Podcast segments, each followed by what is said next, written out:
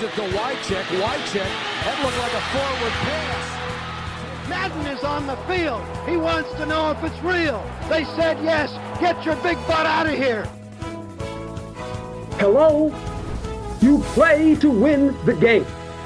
Hej och välkomna till ännu ett avsnitt av veckans NFL med Mattias Olsson och Lasse Thorman när vi faktiskt nu har äntligen har kommit till slutspelet Lasse. Vi ska snacka om wildcard-rundan och en hel del andra nyheter som faktiskt har släppts den här eh, senaste tiden runt om i NFL.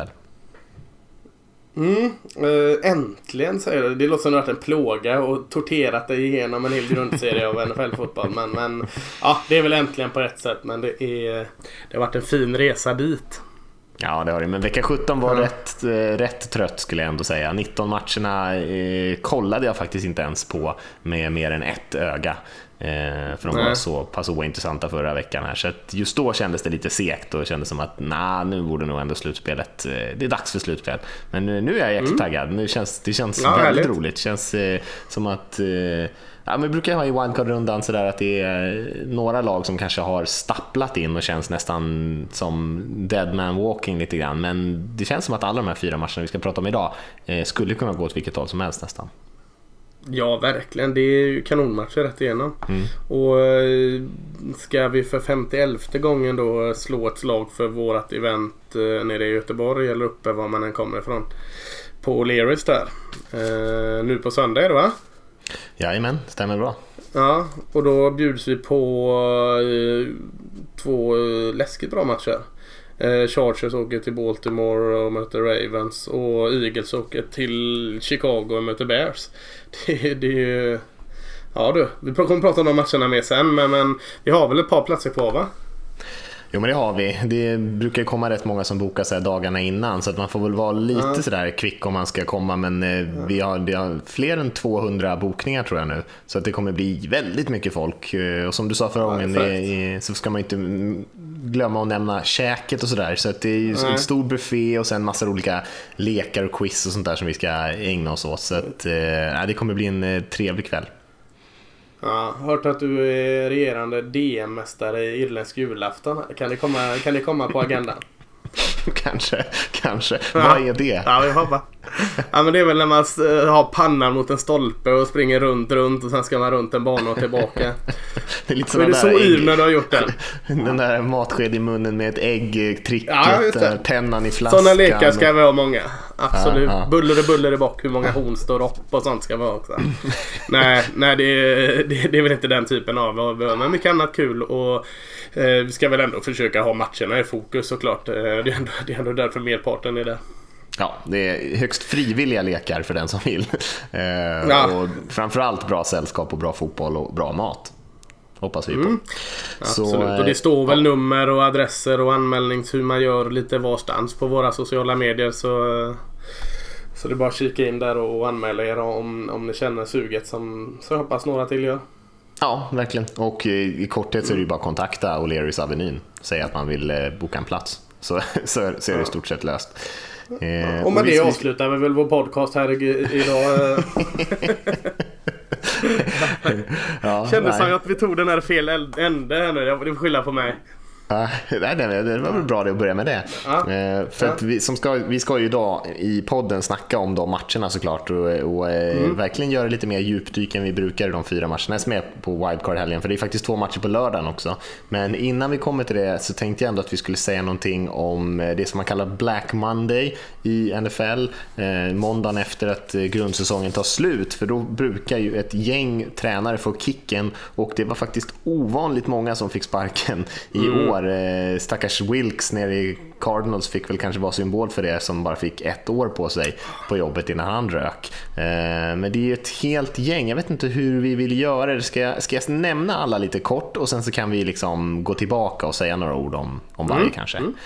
Så vi har ju Todd Bowles då i New York Jets där, eh, som har fått några säsonger där men inte riktigt lyft. Adam Gaze i Miami Dolphins. Sen har vi Vance Joseph i Denver Broncos.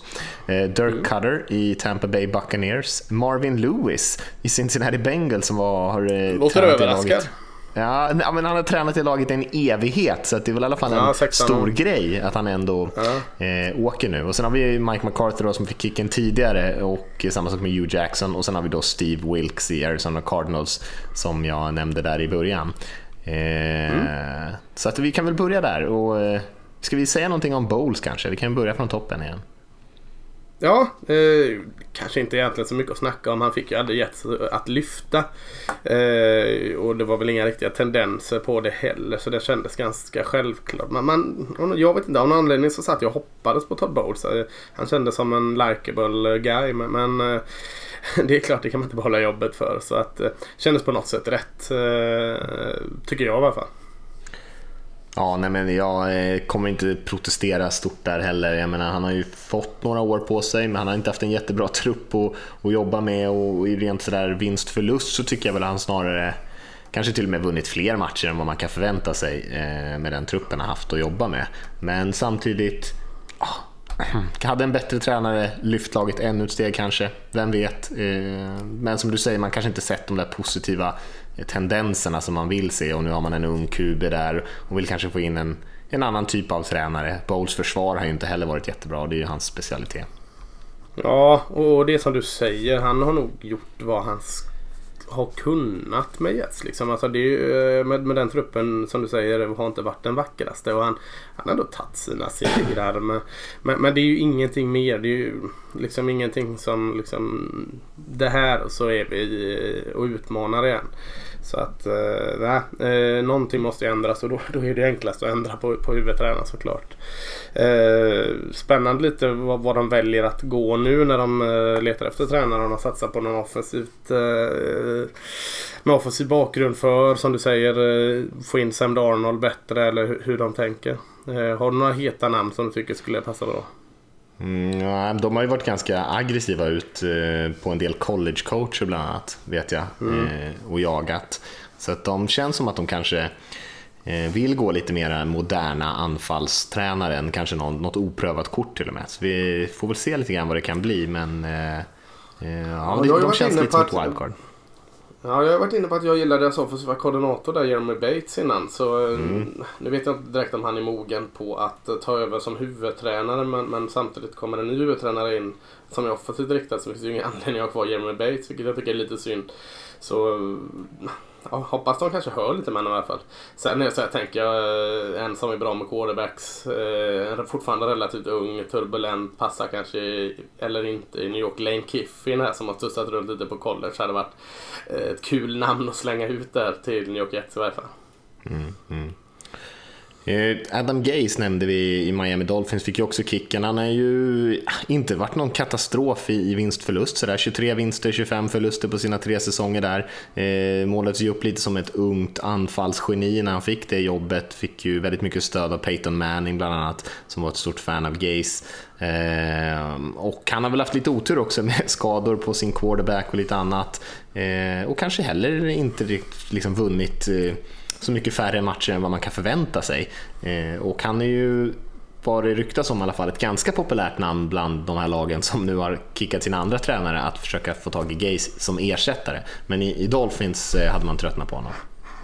Ja, jag, jag, vet inte. Jag är lite så svag för Gaze. Alltså, jag, jag har inget liksom, belägg för det, men det känns lite som han har blivit motarbetad av någon, kanske general manager, kanske någon annan, nere i Miami, hur han vill styra det här Miami Dolphins. För att det känns som han vill dra åt ett håll och sen kommer han inte riktigt åt det hållet ändå. Så att... Eh, eh, ja, det har inte funkat där nere och, och eh, får inte sportchefen kicken så kickar väl sportchefen eh, huvudtränaren här så, så blir det ju så. Men ja, lite tråkigt. Jag mm, jag, eh, jag köper det men jag är inte riktigt ombord.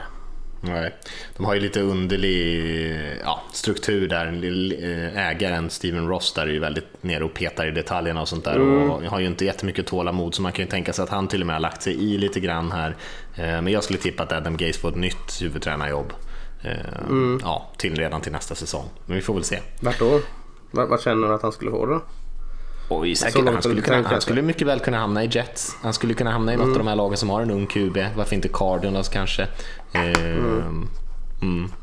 Kanske med en veteran som, som eh, Rogers. Skulle vara intressant att få in en lite mer kreativ playcaller där och försöka få igång det anfallsspelet igen. Ja, jag vet inte, jag tror mm. att han skulle kunna vara populär hos rätt många av de här lagen.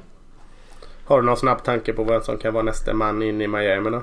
Du får inte säga Philbin. The Return of the Philbin. Nej, jag har mm. faktiskt ingen, eh, ingen aning. Jag vet inte vad de Nej. letar efter. Vad borde de leta efter? Då? Borde de leta efter, om vi säger så här enkelt, borde de leta efter någon offensivt eh, lagd coach eller defensivt lagd coach? Eller det kanske inte spelar någon större roll? Nej, det spelar nog ingen större roll. De, de behöver ju en quarterback också. För Tannehill mm. har ju inte spelat bra och eh, inte hållit sig frisk, så det är ju inget säkert kort alls. Så att, ja, det är mycket som är osäkert med Miami. Det är inte det första jobbet jag skulle ta direkt. Nej, jag tänker på liksom vad man kan få där. Det eh, finns ett par eh, lite halvläckra namn. Jag tänker på eh, DC i Bears där. Vad heter han? Vic Fangio. Mm. Eller din, din gamla kompis och min nuvarande kompis Chris Richard i Cowboys mm. secondary coach. Lite halvt inblandad som DC var ju, låg ju, jag ska inte säga att han låg bakom, han var högst inblandad i Legend of Boom där uppe i Seattle och har gjort jättefint på, på Cowboys försvar där. Ung också, är ju alltid, alltid lockande. Så om man ska gå på den defensiva sidan så tycker jag det är två intressanta namn för, för Miami. För att få någon form av mm. omstart där. Jag tror att de även har haft in eh, Chiefs offensiva koordinator, var Bienemy också. Eh, som också mm. har varit ett väldigt populärt namn Eh, den här, eh, de första ryktesveckorna, eller dagarna i alla fall. Eh, mm. Mm. Vi hoppar till Denver Broncos då, så att vi inte stannar på de här mm. hela dagen. Vance Joseph har ju fått kicken där efter två år. Eh, första gången Broncos har förlorat fler matcher än vad de har vunnit två år i rad eh, sedan början på 70-talet. Så var, kraven var ju höga. Eh, har haft stora problem kanske som en game manager, Vance Joseph. Mycket konstiga beslut i matcherna eh, och samtidigt så är han ju en försvarsspecialist vars försvar har blivit sämre egentligen sedan han tog mm. över. Eh, och ja, det fanns väl inte så mycket förtroende där. Det var i alla fall bra att han fick ett andra år, för det snackades om att han skulle få kicken redan i fjol. Eh, det tyckte jag var positivt, men eh, och i år tycker jag att den faktiskt var värda lite fler vinster än vad de, vad de fick i slutändan. Det tycker jag också. Så det var inte ett jättedåligt jobb i år, men eftersom man hade det här lite negativa första året så alltså blev det kanske lite för mycket. Vilket är lite synd, för ja. Vance Joseph kanske kunde ha lärt sig lite av sina eh, game management-misstag och eh, ja, utvecklat till en bättre tränare. Vi får väl se, kanske inte omöjligt att han får chansen någon gång i framtiden igen. Nej precis, och kanske kunde tagit hjälp lite av en uh, lite mer skillad offensiv koordinator och, och på sådana saker. Ja, John Elway har ju bevisligen ett kort tålamod, sportchefen här i Broncos. Uh, det har han haft förut om alla möjliga saker också. Men, men eh, jag är också lite så här tveksam. Jag, jag köper det men jag är inte så här. Ja det var på tiden eller något. sånt. Det är klart det är aldrig på tiden efter två år. Men, men eh, nej jag... jag mm, eh, jag, jag, är lite så här tveksam. Vad vad, Vad ska... Nej jag, jag känner inte. Det är inte klockrent. Nej. Nej, nej klockrent menar du att han... eh Nej, alltså jag, nej precis. Jag, jag, kan komma till en tränare sen som, som jag känner att det är klockrent han ska ha kicken. Det här mm. tycker jag liksom att jag kan förstå att han får kicken men samtidigt så tror jag det har funnits mer att hämta i Vance Josef om han har fått lite tid och fått ordning på lite koordinatorer, lite vad han ska göra och inte göra. Kanske eh, learning by doing lite mer, ha lite mer tålamod alltså eh, John Elway där så här, tror jag fortfarande han kunde styrt eh, en så pass stor, stort lag som Broncos lite bättre. Ja, jag håller faktiskt med dig där. Det är intressant ja. att man anställer eh, coacher som inte har varit huvudtränare förut och sen så ger man dem väldigt Nej, lite tid ja, precis, att anpassa sig. Precis. liksom, alltså, man, måste, man måste ju liksom förstå det att uh, defensiv koordinator är skönt. Då har du din, din, det är ingen lilla grej heller men lilla inom någon form av situationstecken jämfört med en Eh, huvudtränaren. Huvudtränaren är egentligen mer någon form av ko, eh, alltså logistiker än en tränare i många stunder. Så att, eh, jag kan tänka mig att, det tar mer än två år för liksom att, att komma in i, i den rytmen. Och, ja, man får, som man bäddar får man ligga kanske man kan säga. Jag vet inte. Men eh, nej, det, det är underligt. Mm, ja, visst. han har inte haft någon QB heller under de här två åren, så det är ju kanske inte så jättelätt att vinna då. Vi har en annan eh, kille, Dirk Cutter, eller Cutter i Tampa Bay Buccaneers, vars namn som jag kanske slipper uttala nu eh, eftersom det alltid är en total katastrof i den här podden när jag ska säga hans namn. Eh, mm. Fick kicken där efter, jag tror det är väl han, hur många säsonger har han haft? Kan det vara fyra säsonger? Han har haft så länge. 1929 har han gått. Det borde man ju liksom lite matematiskt lite snabbt kunna räkna ut ungefär 50 matcher. ja, tre, tre och en halv säsong där kanske. Mm. Eh, mm. Eh, och ja, det tycker jag var helt rätt å andra sidan. Eh, jag är inget stort fan över varken hur han har hoppat mellan sina quarterbacks, hur han har coachat dem. Jag tyckte man såg i i Hard Knocks när de var med där och att han pratade med James Winston att han ville att han skulle spela på det här lite mer chansartade sättet. Och så kastar Winston väldigt mycket interceptions och då bänkar han honom men det är ju han själv liksom som har sagt att han ska spela på det sättet. Eh, så jag, vet, jag tycker han hade väldigt mycket underliga beslut under sin tid i Tampa Bay och de har alltid verkat, tycker jag, väldigt dåligt coachade. Håller helt med dig faktiskt. Uh, har ju spännande offensiv. Alltså, eller inte, inte spännande. Alltså, laddat offensiv har man ju haft. Alltså, sen mm. har det varit den här uh, uh, Gunslinger-showen här med Fitz eller uh, James Winston. Uh, Eh, som såklart inte har hjälpt till men, men, eh, det kan man ju också kanske styra lite i om man är en eh, slipad offensiv koordinator som ändå Dirk Cutter är. Så att nej, han har inte gjort vad han, vad han ska kunna göra. Har inte han gjort med den talangen han ändå haft. Så, så den, den köper jag fullt ut. Mm. Eh, om vi skippar Mike McCarthy då och eh, Hugh Jackson som vi ändå har pratat om redan. Då har vi Marvin Lewis i Bengals och Steve Wilkes i Cardinals kvar som fick kicken. Och båda de, det är kanske de två som jag tycker känns mest intressanta som eh, just att nyheten att de fick kicken som, som mest intressant. Och det är ju helt olika typer där. Vi kan börja med Lewis som har coachat Bengals i en all evighet. Och jag har sett ganska mycket mm. kommentarer så där på sociala medier om att folk tycker att han är sämst och att det är på tid tiden. Och, och jag kan köpa att det är på tiden att det är liksom dags att han kanske får kliva åt sidan. Men han har ju fortfarande gjort ett väldigt bra jobb i Bengals, vilket jag tycker att många missar. Ja, men det har han ju ändå. Han har ju vunnit divisionen många, många gånger. Problemet för honom är att han inte har lyckats vinna i slutspelet. Det här är ju lite som... Han håller noll. Han har ingen, i slutspelet. 16 år, han har inte vunnit en slutspelsmatch. Nej precis och det är ju under Vad fan, då spelar det ingen roll. Uh, ja, hur, men... hur, alltså, jag tycker att det är verkligen på tiden. Jag sätter jag skriker som... Eh, är det Fylking som skriker äntligen när det är Nobelpriset delas ut eller något. Alltså äntligen på Marmel Lewis. Bort med honom alltså. Från Bengals organisation. Jag fattar inte hur han har varit kvar så länge. Visst, han, han har gjort det bra i grundserien. Eh, men de har aldrig varit relevanta. De har aldrig pratat om Bengals som en Super Bowl-contender på 16 år liksom. Eh, nej. Nej, jag... jag fasken bort med honom. Jag håller med dig om att 16 år kanske var 3-4 år för länge, men innan mm. dess så har han ändå tagit ett lag som har urkast till att vara en konstant med att utmana om slutspelsplatser och ta sig till slutspel många gånger. Och sen har han inte lyckats komma över den där tröskeln och då ska man ju få kicken till slut. Men jag mm. tänker bara, det jag menar är mer att när man pratar om Marvin Lewis så kan man inte bara prata om honom som en negativ. Han är ju fortfarande en av de kanske största tränarna i Bengals historia på något sätt, även fast han har, inte har lyckats ta de där viktiga slutspelsvinsterna såklart. Men han har ju gjort ett relativt bra jobb. Eh, så att han lämnar ju efter sig ett arv som är Ja, det är ju lite det där äh, tillkortakommandet i slutspelet. Lite grann som Andy Reid i Eagles innan han gick till Chiefs. Eh, även fast han tog sig ändå till en Super Bowl. Men, mm. eh, men hade ju också det snacket omkring sig och han är ju vida ansedd som en av de bästa coacherna i, i NFL just nu. Jag säger inte att Lewis är samma kaliber. Nej, han är väl kanske en light-version. Men, ja, men han har ju gjort mycket bra grejer också. Ja, kanske han har gjort det. Men jag tycker alltså Andy Reid är på en helt annan dimension. Det var han även när han var i Eagles tycker jag. Alltså det, det hände ju grejer. de var ju en utmanare. Sen att de föll pladask i slutspelet ibland. Men de tog ju sen som säger till Super Bowl. De, det hände ju grejer. Det var, de försökte göra grejer. Känns även som Marvin Lewis liksom kör den här uh, rulla på, rulla på gesten liksom. Vi testar det vi gjorde förra året och ser hur det går. Ja, vi testar det vi gjorde förra året och ser hur det går. Om och om igen liksom. Eh, jag tycker han känns... Det är slut på idéer i Marvin Lewis. Det har varit slut på idéer ett par år. Eh, Visst, han har haft kanske bra idéer och lagt upp en fin grund i Cincinnati. Absolut, det köper jag. Men, men när någon inte kanske liksom ens försöker, det är klart han försöker, men det känns inte som liksom att han försöker liksom ändra på sitt, eh, sin stil för att liksom komma över den här hampen att kanske vinna slutspelsmatch liksom, till och med på 16 år. När man ändå varit i slutspel så många gånger så, så känns det som att det bryter för fasiken. Mm.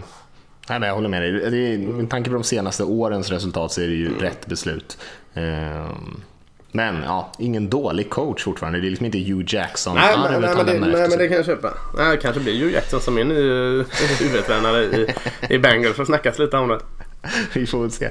Och sen har vi Steve Wilkes i Arizona Cardinals som, eh, som bara fick ett år. Eh, tog över en, eh, vad jag skulle säga i alla fall, en väldigt, väldigt svag trupp. Eh, och gjorde väl kanske inte något bra av den, gjorde den inte bättre på något sätt. Och, eh, man gick 3-13 här eh, och så dåligt har man inte gått på väldigt många årtionden. Och ja, anfallet såg förskräckligt ut och försvaret tappade i kvalitet jämfört med tidigare år. Så att resultaten var ju verkligen inte på Wilks sida. Jag tycker då däremot att det var alldeles, alldeles för tidigt att, att kicka honom med de ja, förutsättningar som han hade där.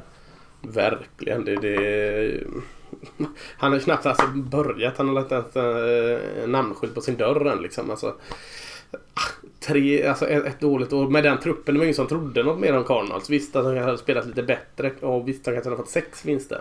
Vad vet jag. Men tre eller sex vinster, eh, skitsamma. Eh, får man i alla fall ge en sån ny tränare två år tycker jag. Äh, det var alldeles för tidigt bort. Mm. Mm, Inget mer att säga om det egentligen. Nej, och eh, det är väl också ett sånt där jobb, Cardinal, som ja, kanske inte känns sådär superattraktivt. Man har en ung QB, Josh Rosen där, men i övrigt så är ju truppen relativt svag och eh, ja, men så ser man vad som händer med Wilkes här eh, och att man kanske inte har så mycket tålamod. Så ja, hur många kommer vilja hoppa på det jobbet? Drafta högt i alla fall, det är kul. Ja, det är ju en fördel. Det är en fördel. Mm. Sen, vi har en annan grej också som eh, mm. jag tycker vi ska nämna. Vi har ju en general manager som har blivit anställd. Eh, mm. Gamla Mike Mayock, eh, draft, eh, vad ska man kalla honom? Mediagiganten inom NFL-draften som jobbar för NFL.com. Eh, som fick general manager-jobbet i, i Raiders, Oakland Raiders just nu. Eh, vilket var, skulle jag säga, lite oväntat och eh, lite kul och också lite förvirrande kanske. Men eh, jag såg presskonferensen där och tyckte att Ja, det, det, känns roligt, precis som när Gruden fick det jobbet. Och det återstår väl att se om, om någon av dem kommer vara så jätteframgångsrik. Men eh, vad jag inte visste var att de har tydligen haft en ganska lång relation, Gruden och, och mig, och, eh, som går tillbaka rätt långt. Annars tänkte man att det kunde bli två eh, egon som kunde krocka rätt rejält där, men de verkar känna varandra väldigt bra. Mm. Vet att man, väldigt, väldigt många gillar McMahon där. Eh, jag är inte en av dem. Eh, men, men som general manager kanske det, det Mike Merricks styrka är att ha bra kompisar som kan säga till honom vilka spelare som är bra eller dåliga. Jag tror fortfarande att han har scoutat en college-spelare under alla åren och college eh, eh, fotboll. Eller alltså draft. Han har varit väldigt involverad i hela draftsystemet. Jag tror bara han får tips från sina polare och säger den här är bra, den här är bra, den här är dålig. Jag tror inte han... Eh, för jag tycker när han ska spinna ut ibland och prata om varför en spelare är bra och dålig så tycker jag han är helt... Han kan prata om någon annan. Så eh, jag, jag tror han är en stor bluff. Eh, kan jag gå och säga när det kommer till, till eh, att eh, mäta potential i spelare. Däremot så har han jättebra kontakter i andra som säger till eh, vilka som är bra. Och det är ju bra. Då är han en manager. Då har han dem, sätter han någon som scouter. Så är det skitbra. Så in med han som eh, sportchef. Kanon. Slipper vi höra hans eh, påhittade nyheter i draftprocessen. Vilken jävla sågning. Jag tror att du ja. kan vara den enda, den enda på planeten som nästan inte tycker om Mike Mayock för att han ja, känns extremt nej, populär. Måste säga. Skön pers personlighet och så, lite rolig och check i studion så. Lite som Glenn Hysén var när han satt och kommenterade fotboll i TV3. Han var rolig och god och glad så, men han sa ju inget vettigt liksom.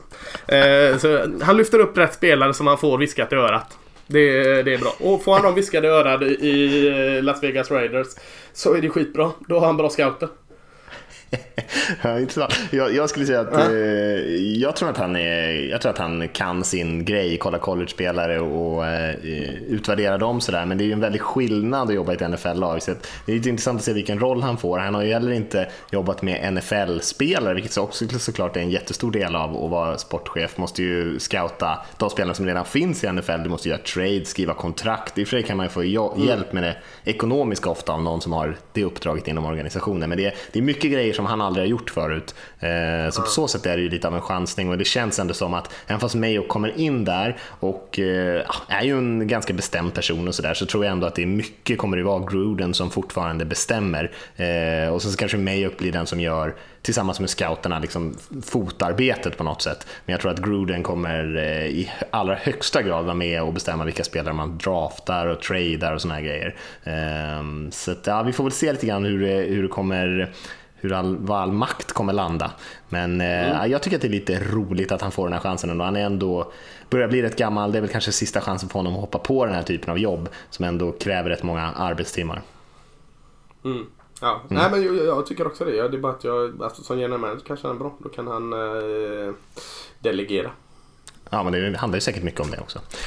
Eh, De släppte Hall of Fame-finalisterna här. Eh, jag tror Just faktiskt att det det. var idag till och med. Och eh, tänkte vi kunde säga någonting om det. Det är ju inte, det är inte den sista liksom, gruppen som verkligen blir eh, årets Hall of Fame-grupp, utan det är fortfarande en lite större som man ska göra ett urval kring. Eh, Men det är ju många spelare som man känner igen där. Tony Gonzalez till exempel, tight-enden. Eh, vad har vi mer? Ed Reed, safety från Ravens. Champ Bailey, cornerback som spelade bland annat i Broncos. Eh, vad har vi mer? John Lynch, safetyn, som numera är general manager. En annan spelare som har gått en lite underlig väg. Eh, vi har Steve Alan Hutchinson. Faneca, Steve Hutchinson, två guards som är relativt kända. Vi har Richard Seymour, två coacher. Don Coryell som på något sätt är tillskrivs mycket av den moderna eh, passningsoffensiven i NFL och en Tom Flores som jag tror att han var den första eh, minoritetshuvudtränaren i NFL. Han blev väl coach för Raiders där eh, way back. Så det är Ja, många det- intressanta namn. Absolut, jag märker att eh, vi börjar bli lite äldre för allt fler av de här Hålla, eller Hålla 5-kandidaten har man faktiskt sett eh, mer än highlight-tape på. Eh, vad har vi ett par givna? Jag tycker Tony Gonzalez känns supergiven. Här end i Chiefs och Falcons eh, på toppen av flesta av de listorna. Han ska in direkt. Jag kan säga att eh, Ed Reed är tillräckligt bra safety för att bo, bör, bör gå in direkt. Eh, sen är det så här, Champ Bailey, eh, jag tänker på han från Broncos-tiden där men eh, var det va? Nu ser jag inte helt fel i huvudet. Eh, han eh, spelade för flera lag men ja. Ja, eh, jag tycker han är skitbra men, men det är också tuff konkurrens på cornerback genom tiderna. Så att, eh, Ja. Skulle så- tippa att Isaac Bruce kommer ta en plats här också. Mm, wide receiver där ja. Mm. Och sen Och sen fan- guards som vi nämnde där kommer säkert Ja, både Hutchison och Faneka tycker jag ska nämnas. Richard Seymour var ju väldigt eh, profil, eh, färgglad profil. Eh, sen vet jag liksom inte hur man ska mäta det, eh, om han ska in direkt eller inte. Nej, eh, hade ju såklart... Eh, han har ju några ringar att visa upp också, vilket hjälper såklart. Mm. Även fast han är D- D-tackle. Ja, Ja, men vi kan, det- väl, vi kan väl hålla folket lite uppdaterade kring det där, för vi kommer, det kommer ju ske ett urval så småningom. Eh, men ganska Absolut. intressanta namn ändå i år. Många spelare man känner igen och Absolut. många stora spelare som det alltid är såklart och intressanta coacher. Mm. Och med det sagt Lasse, kanske vi ska eh, hoppa över och snacka lite om, eh, för jag tycker vi, vi säger inte så mycket om förra veckan. Det man, den stora grejen man kan säga är väl att eh, Vikings som hade allt i sina egna händer eh, gick och torskade mot Bears där i sista omgången vilket gjorde att Eagles kunde få den platsen istället och, Vi- och Vikings alltså missade slutspelet. Och det var väl det enda dramatiska som hände egentligen. Ehm, Och så var ju den eh, nattmatchen lika bra som man hade vågat hoppas på nästintill. Den mellan Tennessee och Colts. Mm, precis, ja, det var det. Den var eh, svängig. Så, och den vann ju där. Inte så snygg, snyggt spelad kanske, men Nej, men lite dramatiskt. intressant. Ja, absolut. Ja. absolut. Eh, Ja, men Colts vann den som du sa och eh, tog den slutspelsplatsen före Titans, vilket kändes rätt tycker jag. Ja, absolut. Jag tycker det. Mm. Eh, ja, mer behöver vi inte säga va? Nej, jag tycker inte det. Vi- Vi kan väl börja fokusera på wildcard-matcherna egentligen. Eh, men eh, som sagt, 12 lag som går till slutspel, 7 lag som inte var i slutspel i fjol. Eh, vi ska fokusera lite på wildcard-rundan nu. Det är ju inte så jättevanligt att wildcard-lagen går och vinner Super Bowl, men det har ändå hänt. Jag tror att det är sex stycken som har vunnit. Packers var väl senast. Och som sagt, fyra matcher, två på lördagen, två på söndagen. Kanske lika bra att dyka in direkt på den, på den första matchen. De spelas ju lite senare på, på lördagskvällen än vad de gör på söndagen. Så att jag tror att första matchen på lördagen är runt 22-tiden va? Och det är ju Colts som spelar borta mot, eller Indianapolis Colts spelar borta mot Houston Texans. Ja, 22.35 tror jag den var va? Mm. Ja, stämmer. Eh, ja, eh, vad ska jag säga? Första gången någonsin två lag från AFC South som möter i slutspel. Det är en liten eh, intressant parentes. verkligen. De, de har ju mött varandra såklart då två gånger i år och vunnit varsin dessutom. Så att och båda Ja. matcherna var jättejämna. 58-58 blev det om man slår ihop båda mötena. Så det är ju jämnt. Ja, snyggt. Mm. Ja. Ja, verkligen. Nej, men vad ska vi säga om den här förutom rabbla gamla statistik? Om, om vi liksom kollar faktiskt matchen framför oss här nu. Vad, vad tror vi och tycker? Det känns som att det är två lag som är relativt olika får man ändå säga. Eh, även fast det är liksom två spännande quarterbacks, två lag som verkligen eh, lutar sig på sina quarterbacks i de här två lagen. Men eh, det är en, en lite intressant detalj är att Colts som har tillåtit minst sacks i år och Texans mest sacks. Så att det är väldigt stor skillnad på offensiva linjerna. Det är 18 sacks för Colts jämfört med 62 sacks för Texans, vilket såklart är en enorm skillnad. Eh, samtidigt inte så mycket bredd bland skillspelarna kanske de här två lagen heller. De har varsin superstjärna receiver i T.Y. Hilton i Colts och DeAndre Hopkins i Texans. Hopkins kanske har varit den bästa receivern i NFL den här säsongen. Mm. Eh, ingen, ingen som springer bollen särskilt bra heller, utan det, det är liksom väldigt mycket quarterback-drivet de här anfallen i alla fall. Eh, och sen så finns det ju ja, en hel del bra spelare i båda de här försvaren, men det kanske inte är dominanta enheter. Texans kanske är lite snäppet snabb, vassare än Colts. Ja, jag, jag tycker det är intressant redan från början det här med sec sexstatistiken här och eh, eh, jag har nog varit inne på det tidigare där jag försvarat en offensiv linje som inte alltid fullt är att skylla för att en eh, QB blir säckare x antal gånger. Då det måste sitta, den här klockan som sitter som oftast pratar om i bakhuvudet på en quarterback när han vet när han ska släppa bollen eller inte och kanske ibland lite övertro på sig själv eller hur man är som spelar typ. Dishon Watson är ju en helt annan spelartyp än Andrew Luck. är visst, Andrew kan springa bra men han är ju en passare av rang först och främst. Dishon Watson kanske Eh, håller bollen lite för länge ibland. Kanske eh, försöker eh, leta sig igenom den här eh, eh kaoset framför sig och dra på sig mer sex. Så, så att det är bara att mäta Olen mot varandra kontra säck är en helt annan sak. Men med det sagt så tycker jag att eh, från att vara en direkt dålig offensiv linje förra året så har den blivit kanske en av Colts riktigt starka sidor i år. Mm. Har sett jättefin ut och det har du bara sett på, Andrew Lacks eh, säsong hur jäkla bra den har varit. Han har inte ens haltat av småskadade i år för fasiken. Det, det är man ju van att se honom göra. Så att, mm. eh, jag tror den kan vara avgörande. Jag tror Eh, kan de hålla kontroll på Houstons effektiva eh, pass rush med eh, Watt eller vem eh, det nu må vara. Eh, kan de hålla dem någorlunda i, i schack eller i styr så, så så håller jag fast. För att jag, jag tycker Colts är ett hetare lag in i slutspel än vad Houston är. Jag tycker Houston kanske pikade, eller tycker jag tror kanske då med att de pikar lite för tidigt den här säsongen.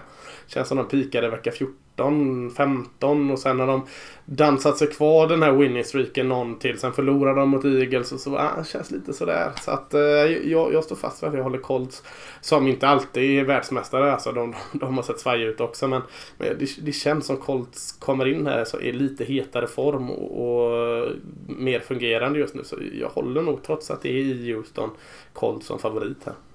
Intressant.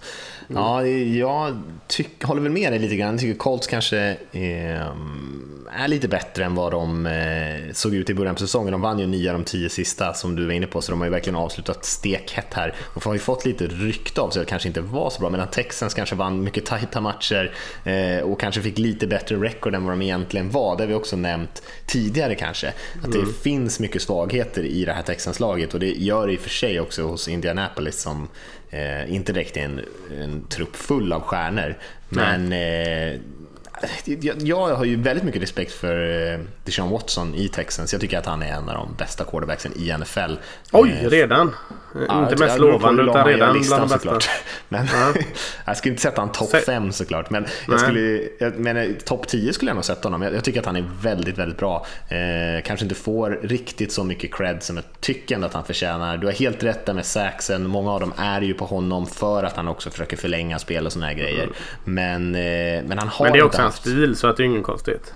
Nej, och han gör ju stora spel då, men han, ja. han, har, han, han, har inte fått särskilt bra protection i år. Han har ändå bara, han har nio eh, interceptions, och en av de anledningarna till att Texans har gått så bra i år är ju för att de har varit högt upp i plus i, i turnovers. Eh, just för att de vårdar bollen, de vet att de har ett bra försvar med, en, med framförallt en tung defensiv linje med en sån Watto Clowney där. Och eh, det kommer bli en riktig strid mellan giganter där när Watt och Clowney ska försöka komma förbi den här Colts offensiva linjen. Eh, det kommer bli en, en härlig fight där tror jag. Eh, och jag tror man kommer kunna komma igenom lite grann och göra den här matchen fortfarande väldigt jämn och göra Luck lite skakig. Kanske att han till och med, för han har ju en, däremot en, en förmåga, för, kanske till i kontrast med, med Watson då, att kasta rätt mycket interceptions, kasta rätt mycket mm. chansbollar och såna grejer. Ehm, och eh, det tror jag gör att Texans kommer kunna hänga kvar den här matchen. Jag håller nog med lite grann om att, att eh, Colts är snäppet hetare och jag håller dem också lite grann som favoriter. Men det är väldigt jämnt i den här matchen och som ja, du sa där med siffrorna 58-58 ja. i deras två möten eh, är ju nästan så att det slår in, slår in en öppen dörr här och säger att det kan bli jämnt mellan de här två lagen. Men ja. Eh, ja, det känns som det är väldigt svårt att sära på dem. Texans har ju fördelen med hemmaplan, Colts kanske är snäppet hetare och det blir liksom nästan, ja, man vet inte vilket håll man ska luta åt slå in en öppen dörr. Fan vad bra uttryck det är. Tackar, det tackar vi för. Det tar vi med oss. Jag hade en lite rolig stat här. De har, eh, Indianapolis har kastat 21 touchdowns till tight ends i år. Eh, och det är inget lag som har gjort sedan Patriots hade liksom Gronk och Hernandez där 2011. Eh, mm. Så det kan man ju hålla ett litet öga efter. Jag vet att Eric Ebron har ju kommit in och, och fångar ju typ ingenting annat än touchdowns. Men det är ju någonting som de verkligen gillar att göra i det här Colts-laget. Mm. Eh, 02.15, ingen match vi bryr oss om va? Nej, precis. Veckans NFL Bowl såg jag att någon kallade den på. Ah, det var... ja, det, det, är ditt Seattle Seahawks mot mitt Dallas Cowboys. Båda har 10 vinster och 6 förluster.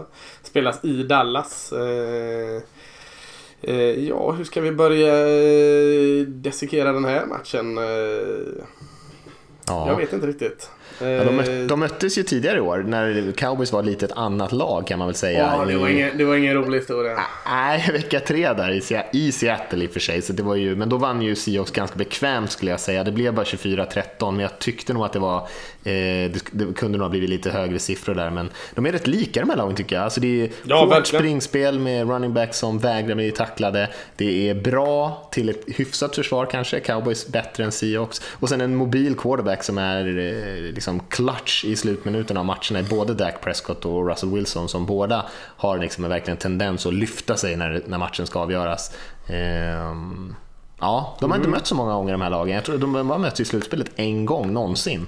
Ja, bra. Den matchen är också hemsk. Om vi ska kolla bak. Det var ju den här när eh, Dallas skulle bara sparka in en enkel field goal för att, för att vinna matchen. Och så så uh, fumlar ju, eller tappar Tony Romo snappen. Han, han, var ju, han var ju håll, hållare för field goal-kicken. Uh, ändå Hans ganska... säsong va?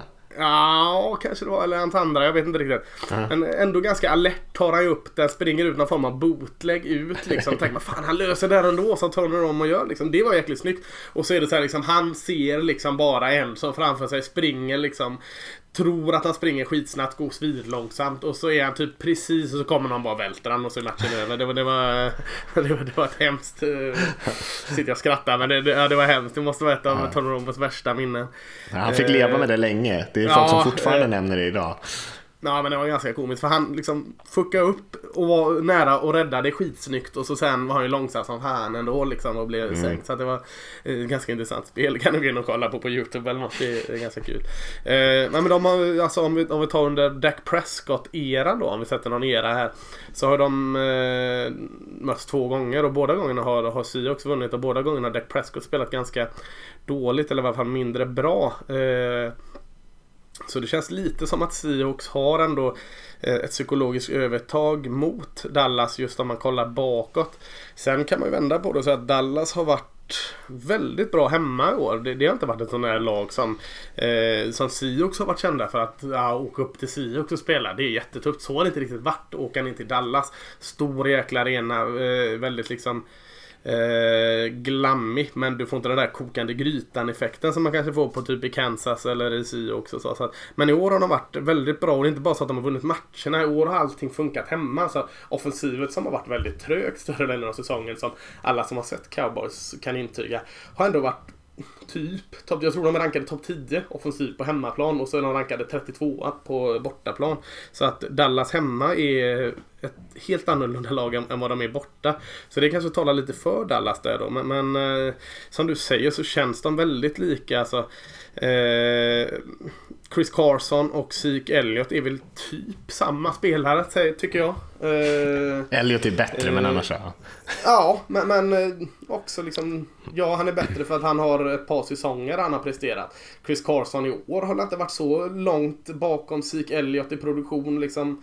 Eh, nu finns det ju hundra olika eh, eh, mätställningar hur man mäter hur bra en running back är. Men, men alltså, att bryta tacklingar så skulle jag säga att det är jämnt skägg. och Nej, men jag tycker alltså de mer eller mindre jämnbra i år tycker de har varit och, och, och eh, spelar väldigt lite. Kanske att Zeke Elliot är mer eh, mångsidig nu mer. Det var han inte i början. Eh, alltså att han kan fånga passningar och ut och springa vid sidan och liksom löpa på som kanske inte Chris Carson har riktigt än de grejerna. Men väldigt lika i sitt springspel och båda gillar att springa jättemycket med bollen. Man, man är ju van när man säger att ah, Dallas Cowboys springer med bollen. Jag skulle säga att Siok springer ännu mer med bollen. Framförallt sen har man märkt att att det här funkar med Chris Carson och det.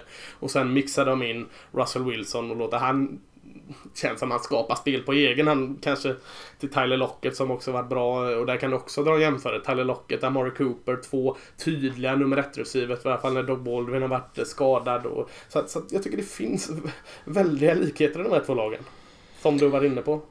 Jo men det gör det. Och du nämnde locket där, jag såg en eh, stat där att liksom, sett över hela säsongen så har Russell Wilson en perfekt pass rating när han passar mot locket. Så alltså 158,3 mm. ja, någonting. Och locket har ju spelat i varje match. Han har spelat mm. 99% av snapsen eller sånt där i år. Mm. Så, och det är ju helt sjukt egentligen. Men det har ju varit många, många stora spel, många touchdowns till locket när, som du säger, Baldwin har varit borta. Nu är Baldwin tillbaka, han gjorde en jättematch mm. eh, i vecka 16 när, det, när de spelar Chiefs. Och eh, man har lite det flyt just nu i Seattle. Det är många spelare som är på väg tillbaka. KJ Wright eh, pratade vi om förra veckan också, en sån här atletisk linebacker som, som man behöver. Eh, jag tror att det, båda de här lagen har ganska bra defensiva linjer. Cowboys är ju Eh, väldigt bra tycker jag med, med mm. DeMarcus Lawrence där i spetsen och sen har man ju sina unga linebackers där, Vander Esch och Jalen Smith som har varit riktiga, eh, mm. fått riktiga genombrott i år medan man på andra sidan, på Seahawks sida kanske har lite mer okända spelare som har slagit igenom. Frank Clark och eh, Jaron Reed framförallt, defensive tacken. Mm. Jag tror att de är den enda duon i NFC där som har två spelare Eh, enda laget i, i NFC som har två spelare med mer än 10 sax, för Reed har ju faktiskt samlat ihop tror jag, 11 sax från sin ja, defensive tackle-position. Väldigt imponerande. Eh, och, och Cowboys å andra sidan har ju haft lite problem med sin passblockering i år, så eh, det där kan man ju hålla ett litet öga på. Jag skulle säga stora spel till Tyler Lockett, eh, sen kommer ju C också försöka kötta bollen i springspelet och försöka få lite, lite press på Prescott. Men eh, jag tror att försvaret i Seahawks kommer ha problem att sakta ner Elliot och och eh, jag tror att det kommer bli riktigt jämnt. Jag ger cowboys eh, en, en liten fördel här på hemmaplan faktiskt. Eh, eftersom man har spelat så pass mycket bättre på sista tiden här och det är ett helt annat lag än, än det laget som möttes i också vecka ja, tre. Så nej, jag ger nog cowboys en litet favoritskap här just för att de spelar hemma. Hade den spelats i Seattle så hade jag nog utan tvekan valt Seahawks som favoriter. Men det är så mycket skillnad ändå, eh, mm. hemmaplan, bortaplan, särskilt för de här två lagen, eller inte just cowboys, men Seahawks har en, en ganska stor fördel av att spela hemma och cowboys har varit väldigt starka hemma i år, så då blir den kanske lite, lite mer sådär edge än vad man, man brukar ge hemmaplansfördelen. Och nej, därför lutar jag nog lite åt att Cowboys kommer ta den här matchen, tyvärr. Mm. Ja, men jag tycker du är inne på det här. Alltså, Seahawks offensiva linje, hur står sig de mot Dallas defensiva linje?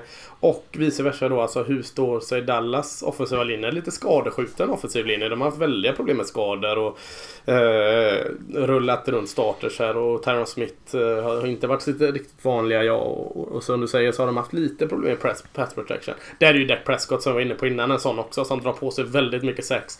För att han mm. håller i bollen, håller i bollen, håller i bollen och får inte den där klockan. Så att eh, linjespelet eh, avgörande här tror jag. Eh, och eh, jag håller nog med dig. Jag, eh, det hade varit bekvämt för mig att, att deffa här och säga att jag tror Sirius vinner. Men jag, jag, tror, jag tror Dallas vinner. och, och eh, eh jag har ingen, ingen sån där jinx eh, skräck direkt. Så att, eh, nej men jag, jag, tror Dallas känns kanske inte starkare, men det, det känns som tillfälligheterna passar lite bättre och, och då är det nog den här hemmaplansfördelen som kan avgöra det direkt. Så jag är helt med på vad du säger.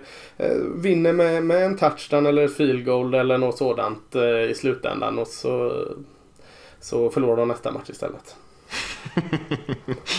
det kommer ju till slut. på något sätt. Ja. Intressant att se också, eh, Byron Jones tycker jag har gjort en väldigt bra eh, säsong för cowboys på cornern där. Ja, de kommer nog bli testade lite grann de här cornerbacksen. För när Seahawks passar bollen, det är inte en jättekreativt eh, passningsanfall som man har direkt i Seattle. Utan det är en mot en, upp med bollen i luften. Antingen försöka bränna djupt eller bara upp i luften och slåss om bollen. Så att de här corners i cowboys kommer bli testade den här matchen. Och det kan också bli ganska avgörande. Jag håller med om linjespelet, men kan Sioux sätta några av de här stora spelen som man måste ha för att kunna mm. göra poäng. För att man är inte, man är inte Chiefs, liksom, utan man köttar bollen och sen försöker man kasta de här 40 yardarna. Eh, så att, eh, de duellerna, det brukar inte bli sådär många per match, kanske blir 4-5 sådana dueller, men hur de går eh, kan också vara väldigt avgörande. Mm, jag är med det där.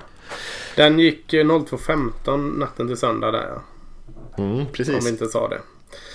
Eh, vad har vi söndag 19.05 har vi Los Angeles Chargers 12-4 eh, borta mot Baltimore Ravens 10-6.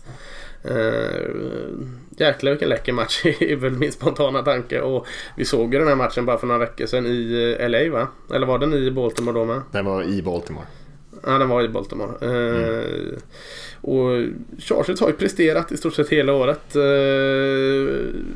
eh, både i försvaret men framförallt med, med Rivers eh, som quarterback. Men, men för ett par veckor sedan där så, så fick Ravens, den matchen var, alltså Ravens vann den matchen. Det, det var ju en jämn match. Det var Chargers kunde lika väl ha vunnit den men, men uh, Ravens försvar gjorde det väldigt, väldigt jobbigt för uh, San Diego Chargers. Eller Los Angeles Chargers, jag lämnar aldrig det där. Eh, offensiva framförallt Philip Rivers. Så eh, nu är ju frågan här liksom, har man lärt sig av det här eller sitter det i huvudet eller kommer det se likadant ut? Hur kommer det bli här egentligen? Vad, vad tror du?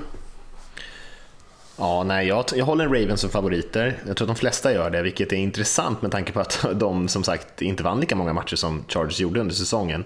Eh, det är väl lite den här matchen som du nämner som ligger kvar i huvudet, eh, de, då eh, Rivers gänget Ja, det blir ju så.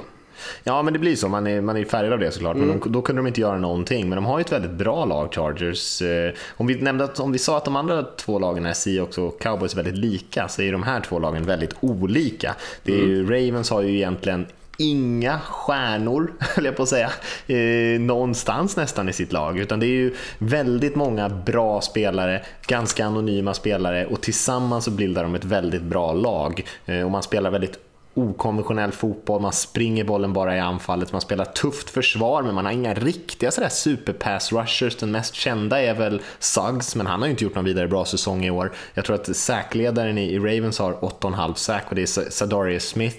Eh, så det är en väldigt kollektiv. I Chargers är en helt annan sak tycker jag. Man har ganska mycket hål i truppen, men man har också väldigt, väldigt många duktiga, jätteduktiga spelare, väldigt många stjärnor utspridda. Och det såg man inte minst på, jag tror att Chargers hade flest pro bowlers i år till exempel. Och det är ju inte ett mått på allt, mm. men det säger ändå vilket rykte de här spelarna har.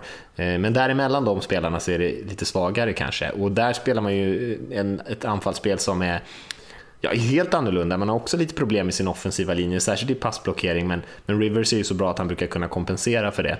Eh, men det är ändå en bättre, en bättre linje än de har haft de senaste åren. Men jag tror att Ravens fortfarande kommer kunna sätta rejält med press. Och när jag såg de senaste matcherna här så eh, det har ju varit så hela tiden med Lamar Jackson, men han är ju otroligt kul att kolla på, för, eh, måste man ändå säga, för en spelare som knappt kan kasta bollen som en startande quarterback i NFL. Han ja, ju... det kan han väl. Alltså det är väldigt, uh, ja, nej, det, jag, jag, skulle säga han är inte där än. Uh, skulle han inte få använda sina ben, då skulle han, uh, ja, nej, då skulle han inte vara en topp liksom 32 quarterback i NFL.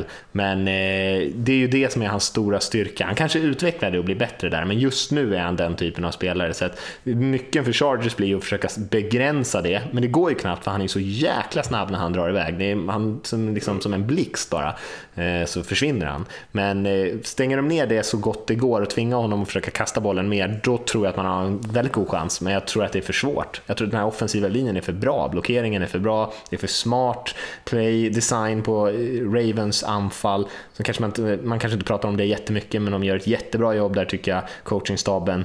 Eh, väldigt kreativa paket de kommer ut med och sådär. Så, ja, jag tror att Ravens kommer vinna den här matchen. Ja, han har en åttamannalinje. Jag menar, de rullar in med tre tyrants. Eh, för fasiken.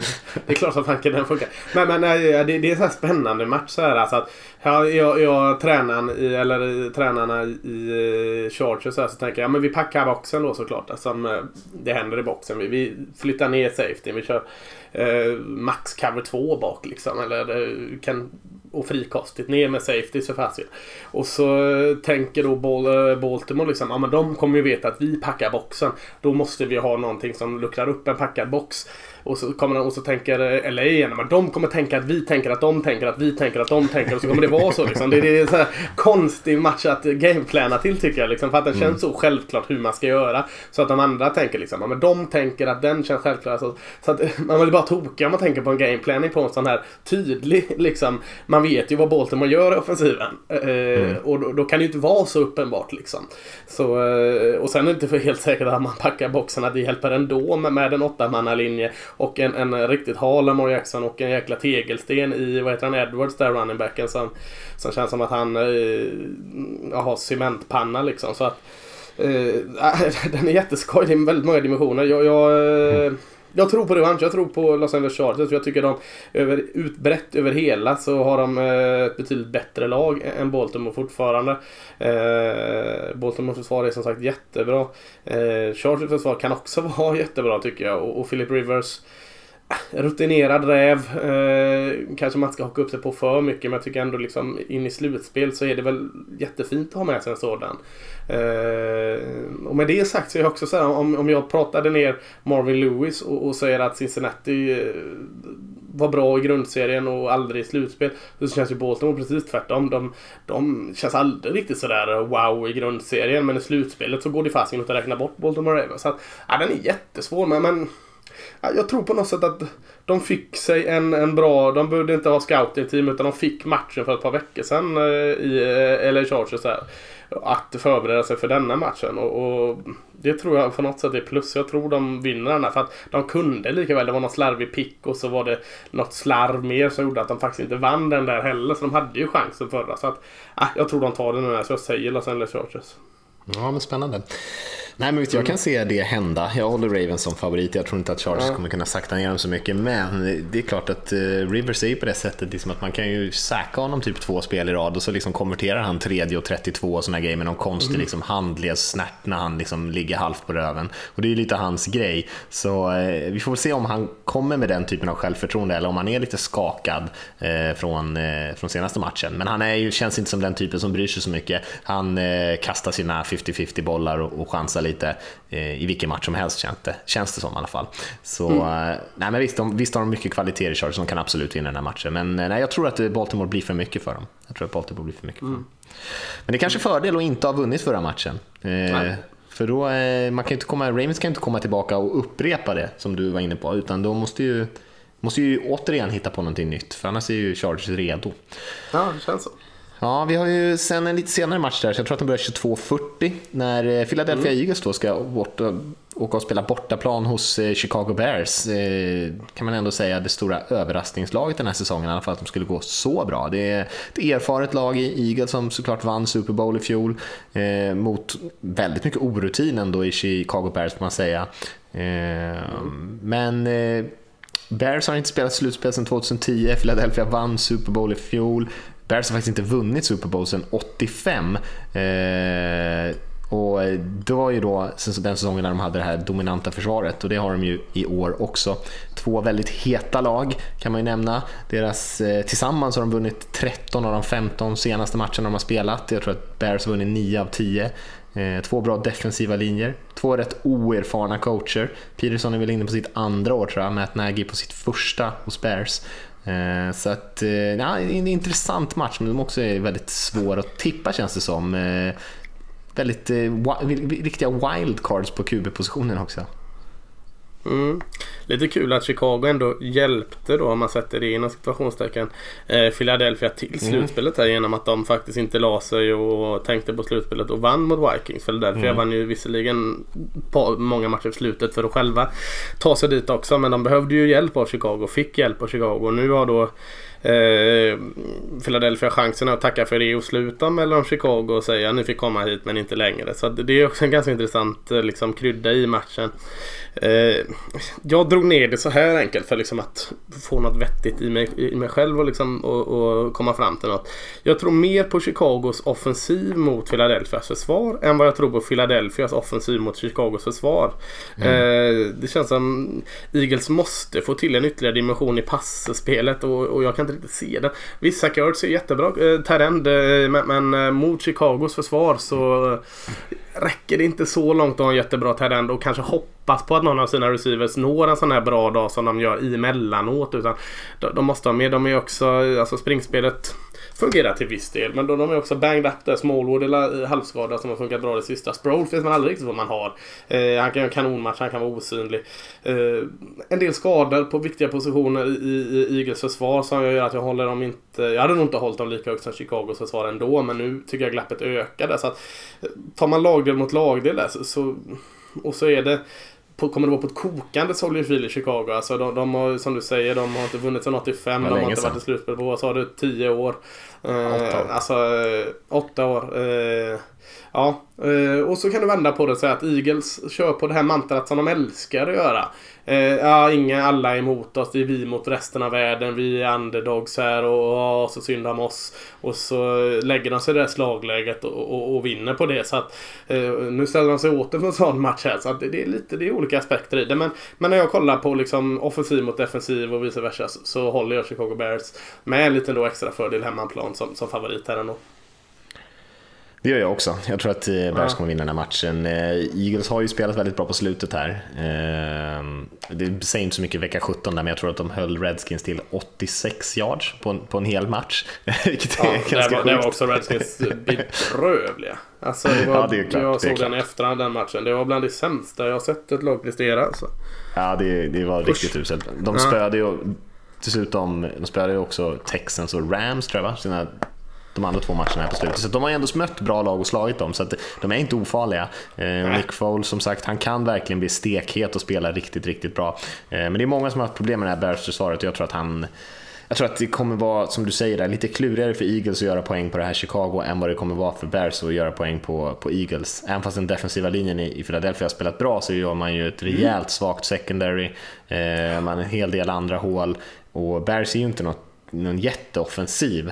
Men eh, man, är, man har en del eh, så här, gubben i lådan-spelare som Terry Cohen mm. till exempel och en del andra som eh, kan hitta på lite vad som helst bara de får bollen i händerna lite grann. Och Trubiskis ben, det kan räcka med att förflytta eh, flagg, eller flytta eh, pinnarna lite grann här och, och göra poäng.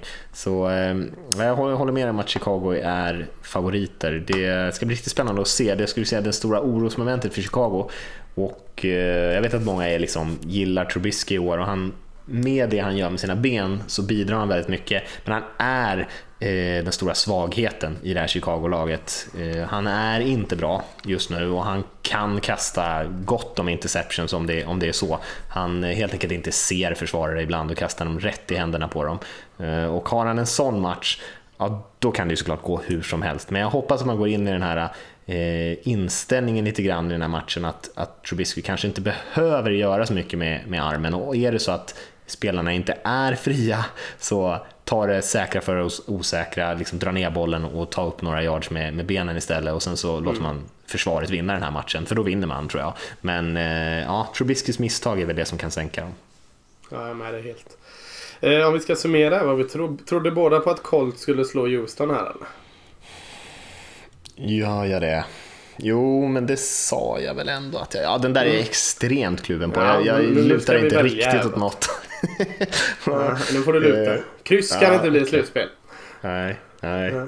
ja. men jag säger, eh, jag säger Texans då, bara för att du sa Colts då, så blir det lite roligare. Ja, då är vi olika där. Båda trodde på Dallas i alla fall mot eh, Seattle. Ja, det säger jag Eh, egentligen det- bara, men du vet hur det är. Alltså så du vill, du vill egentligen tro Seattle ändå? Du är mer sån för att du Jag jinxar kan det. inte tippa cowboys, det skulle vara helt orimligt. Det kan du väl få tippa på dem vad du tror. Uh, ja, okej då. Ja, men jag tror att cowboys kommer vinna. Men... eh, Ja, det är klart. Det måste du säga. Det är länge jävel som tror att du hoppas på att Cowboys skulle vinna. Det hade varit helt, helt sjukt. Eh, Chargers Ravens så trodde du på Ravens och jag trodde på Chargers va? Eh, ja, stämmer. Ja, och, och vi båda trodde på Chicago mot Philadelphia i slutet. Ja, stämmer. Ja, ja, ja men då har vi det klart. Men det är inte med mer för det var, det var jämna matcher. Det var inte lätt tippat. Det är Nej, inget Bengals i slutspel som man kan eh, tippa bort direkt. Ja, nej, det, jag håller Ja. med dig. Det är väldigt roliga matcher. Och eh, precis som det har varit en jämn säsong så eh, har vi också ett jämnt slutspel känns det som, vilket är eh, superkul såklart. Ja, verkligen. Eh, så eh, med det sagt så har vi inte så mycket mer att säga. In och anmäl er till att kolla eh, matcherna med oss på Leris. Och så syns vi inte där så hörs vi väl nästa vecka när vi ska försöka summera och, och blicka vidare. Det gör vi. Så ha det bra allihopa så hörs vi om en vecka.